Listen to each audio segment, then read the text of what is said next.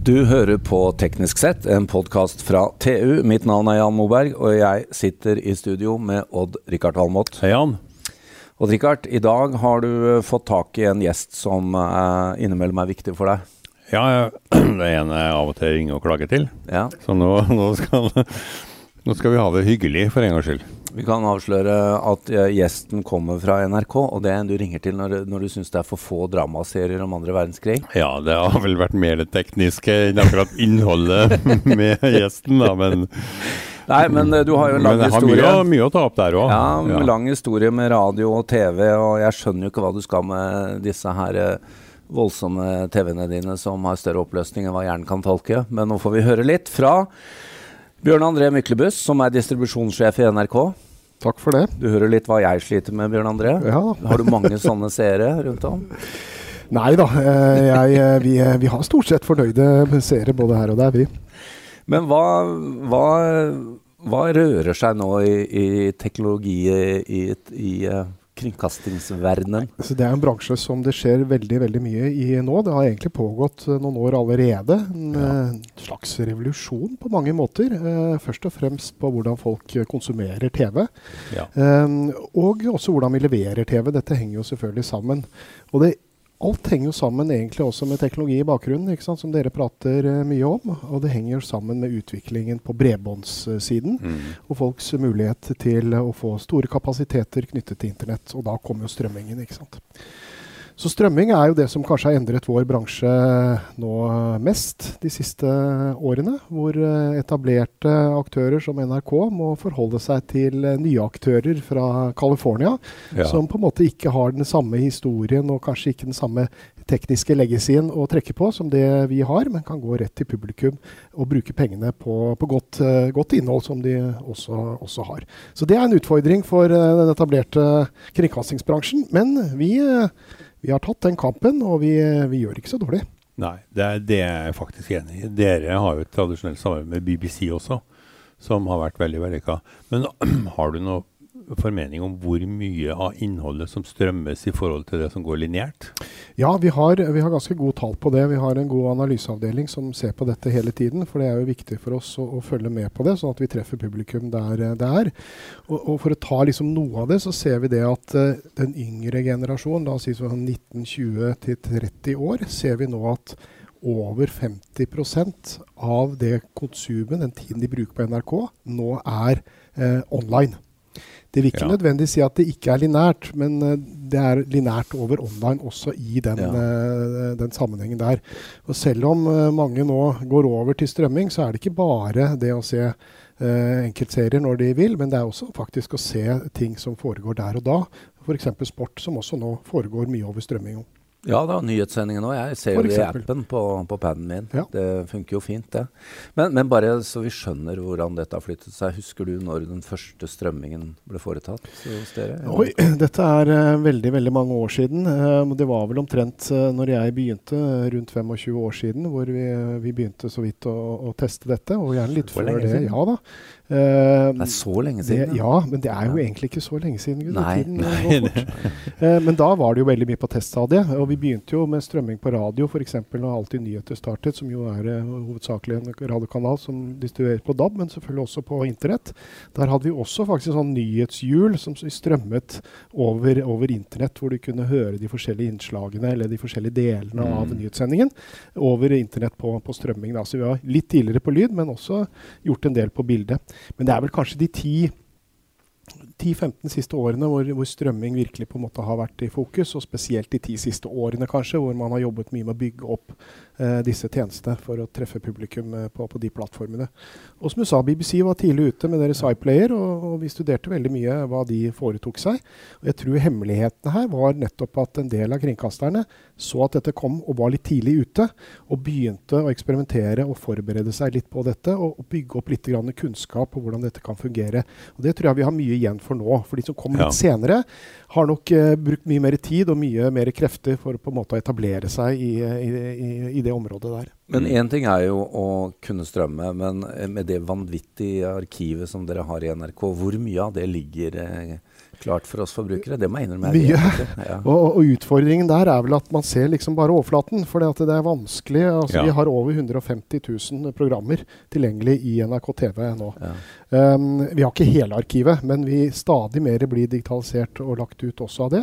Men det er jo ikke alt som på en måte vises på forsiden. Det kjenner vi jo til fra alle strømmetjenester. At det, det er ikke alltid lett å, å på en måte oppdage de tingene som ligger litt lenger ned, Nei, men som er er av gull.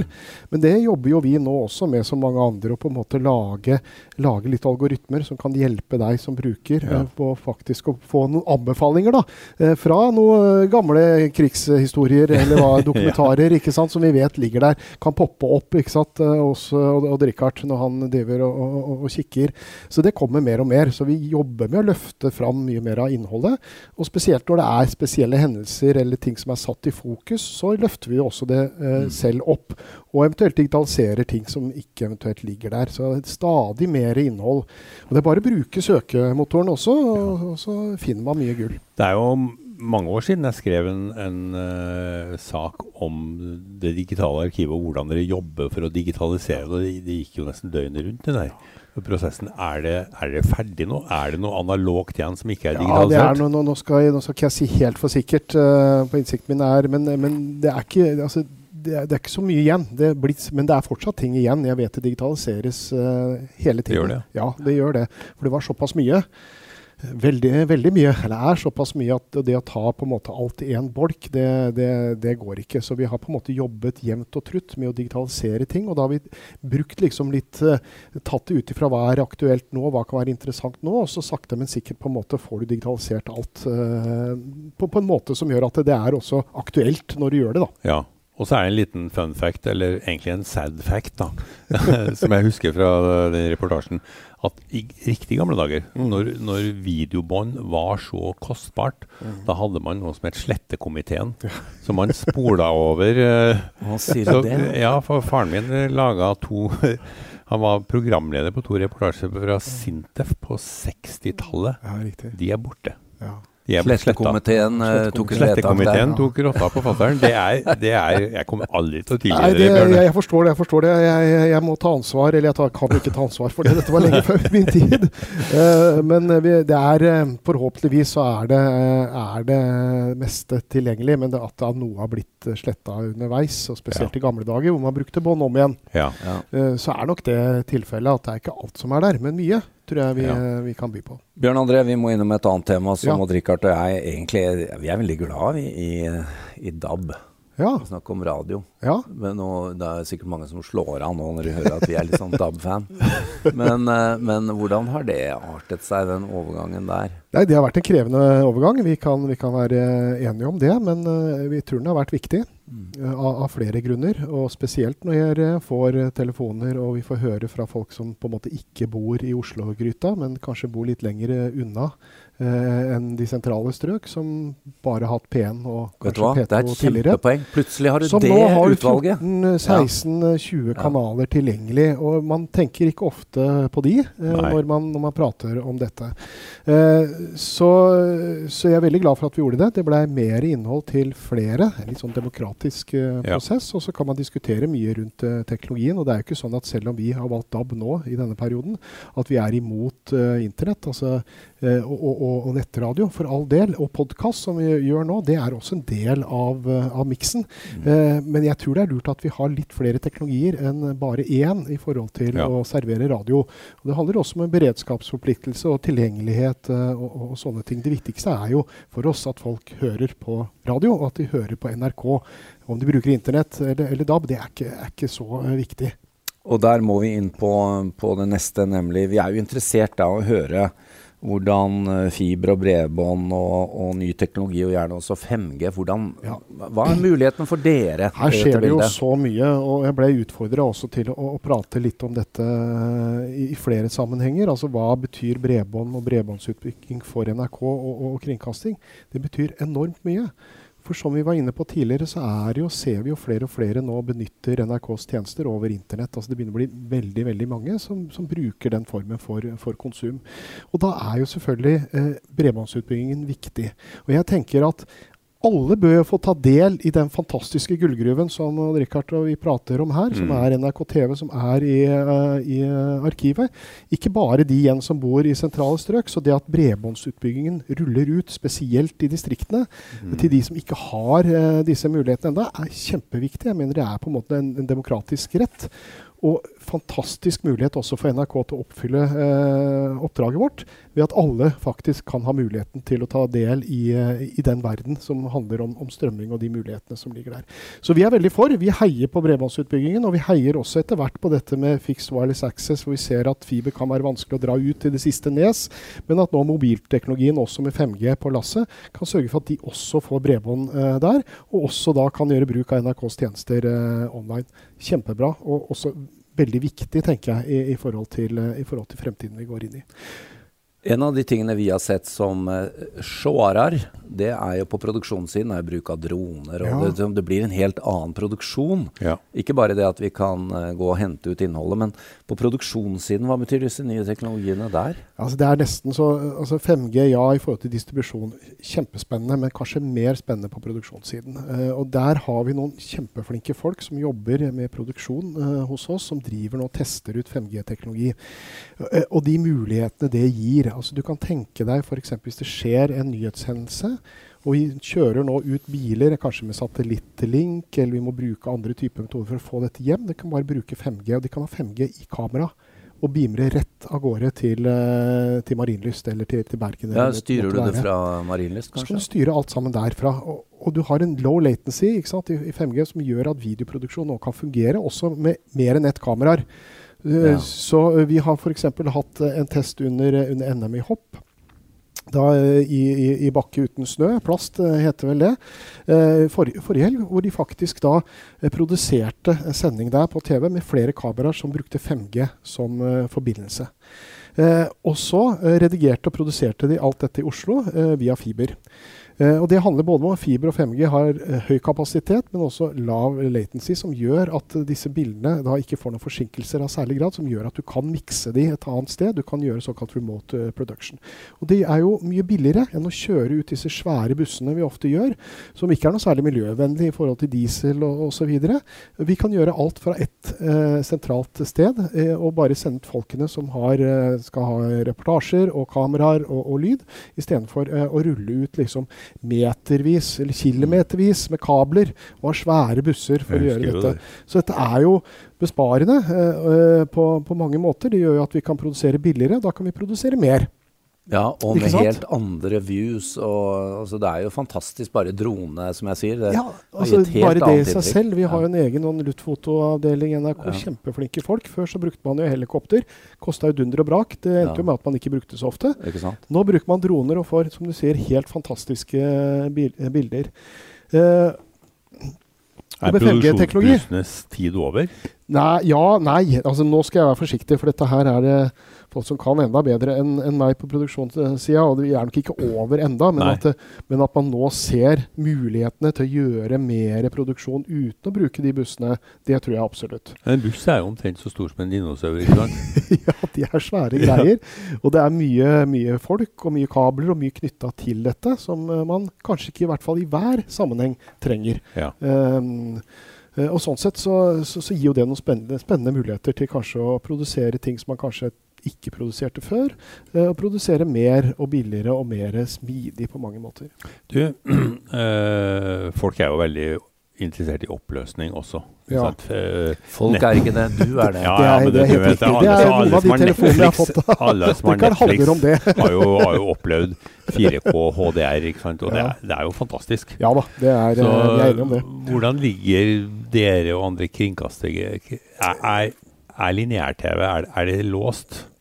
Ja, ja, nei. Nei, ingenting er låst uh, i disse dager. Vi kan jo si at vi har vel ikke vært de som har ligget fremst uh, på akkurat uh, den biten. Det er jo sånn, NRK trenger jo ikke være først på alt. Nei. Det kan være greit at andre også, også er det. Men vi jobber stadig med å øke kvaliteten, og vi har gjort det også.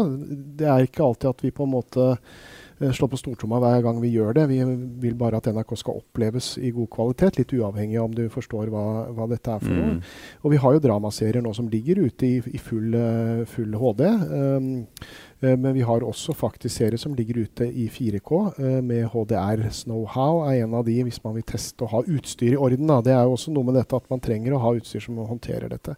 Så vi er der, men vi er ikke de som på, på TV måte, nå? Ja, TV og eventuelt strømmeboksen. Ja. Og, og HDMI-kabelen din må også ja, faktisk ja. håndtere dette. Så det er litt, litt sånne ting. Uh, så Det er tidlig enda, men, men, mer og mer. Og Vi gjorde også da under, um, under EM i fotball uh, en test. TV 2 var ute med, med 4K, det de skal ha for det. Vi kjørte en uh, test blant litt lukket, lukket, test, hvor vi kjørte 4K med HDR også. for vi mener at oppløsning i seg selv, ja, greit. Men det er jo når du får den ryke fargedynamikken i high dynamic range, altså det som gir på en måte måte masse mer farger enn nå, eh, hvor du virkelig på en måte får opplevelsen. Så vi ønsker på en måte å gå litt den veien. Når vi først gjør det, så vil vi også ha med det. Men da tenker du strømming primært? Ja, så er det sånn hva kan bære dette? For du var jo innom dette når vi pratet at uh, dette tar jo mye kapasitet. Det gjør det. Ja. Jeg tror ikke at vi kommer til å gjøre det på dette nivået i f.eks. bakkenettet. Jeg tror uh, at dette er noe som vi kommer til å gjøre OTT, altså over, over, nettet. Og spesielt nettet i Norge er ganske bra. I gamle dager så var det jo litt hakket og ikke så bra. Men hvis vi ser sammenligningen Norge med andre land, så er det bra kapasiteter ute til de som har, i hvert fall. Uh, så det er jeg helt overbevist om at uh, kan bære sånn type distribusjon. Så jeg er litt usikker på om både satellitt og bakkenett for NRK er aktuelt å, å bruke der. For der er det litt mer kapasitetsbegrensninger. og da må man kanskje bytte ut noe. Og må man kanskje bytte ut noe utstyr også. Så jeg tenker nok at vil man få til dette eh, på kort sikt, så er det nok eh, mer eh, å bruke den internettinfrastrukturen som, som mm. er. Bjarne André, du var så vidt i gang med å si noe om 5G. Ja. Eh, fullfør. ja, det, vi prater jo 5G på produksjon. Uh, ja. Jeg tror det er, Der kommer det til å skje veldig mye på, i hele bransjen uh, i forhold til å kunne bruke det. Og Da tror jeg også vi kommer litt inn på vårt behov for uh, såkalt non-public networks, altså non-private networks. At vi må ha egne nettverk for store produksjoner. Ja, vi må samarbeide litt med bransjen og myndighetene med, om dette, men det er jo klart det er en diskusjon rundt frekvenser og hvordan man på mest mulig optimal vis skal fordele disse ressursene. Det vi sier, er at vi må få være med i den utviklingen som skjer der. For vi ser mange fordeler i forhold til å produsere både grønnere, bedre og mer ved å kunne ta i bruk eh, 5G. Og når du skal ha kameraer eh, på en stor event, la oss si at NRK er host broadcast for en svær sportsevent, og du har massevis av kameraer, lydutstyr og andre ting på 5G, så må vi være sikre på at det er sikkert, at det er robust, og at det funker, og at det ikke blir påvirka at det er 10 000 mennesker på stadion som, uh, som, bruker telefonen sin og sånne ting. Så det er fortsatt noen issues der som vi må, må jobbe med for å, å, være sikre på at, at, vi kan ta i bruk denne teknologien på en god Men da, måte. Da snakker du om skivedelte nett, da? Ja, eller I private nett. At vi har en liten basestasjon, ikke kraftige saker, mm. i det området, ja. hvor kameraer og utstyr på en måte rapporterer til, da, kan du si, over 5G-standarden som er lukket, og som mm. på en mm. måte brukes til det. Og så er det fiber derfra ned til, uh, bort til Bergen, eller ned til Trondheim, eller opp til Trondheim, eller ned til Oslo. Og så kan man sitte der da i regien og så mikse dette sammen. Uh, helt avslutningsvis, Bjørn André, vi må snakke litt om det den nye regjeringen er opptatt av, nemlig de som sitter nederst til bordet, og som kanskje er i skyggenes dal. Hvordan er det med dere og dekning? Vi har en forpliktelse og også et, en, en, ambisjon om at alle skal uh, få NRK. Så Det er faktisk en forpliktelse vi har også. Så vi har ja. jo, Det er jo derfor vi også har disse nettene. Både de tradisjonelle og satser mye på Men det nye. Men hvor stor er utfordringen for dere? Uh, utfordringen er at det koster mye ressurser. Uh, spesielt uh, dette med, med, bakkenett og, og de, de, kringkastingsnettene. De er dyre, de bruker mye strøm. Og i disse ja. dager så vet dere hva strømmen koster. Det er jo for så vidt midler vi kunne brukt til å produsere mer. Men vi skal nå de, så de skal på en måte få den muligheten til å få NRK. Men jeg hadde jo ønsket da, at de også kunne få tilbud om noe mer, nemlig bredbånd, og også hele på en måte det eh, tilbudet NRK har, nettopp over bredbånd, det å kunne se det de vil i NRK eh, TV, enn bare måtte se det lineære. Eh, da har de jo alt, hvis de får godt bredbånd. Ja. Så Det er jo derfor jeg sier vi heier på bredbåndsutbyggingen ut til alle. For det tror jeg vil også for NRKs del være, være en fordel i forhold til det oppdraget vi har. Veldig bra. Det var uh, flott å bli oppdatert på dette. Og så kan jeg tilby at dere godt kan få låne Odd-Rikard sånn minutt for minutt med Odd-Rikard. jeg har, jeg, jeg, jeg, jeg har bare et spørsmål til.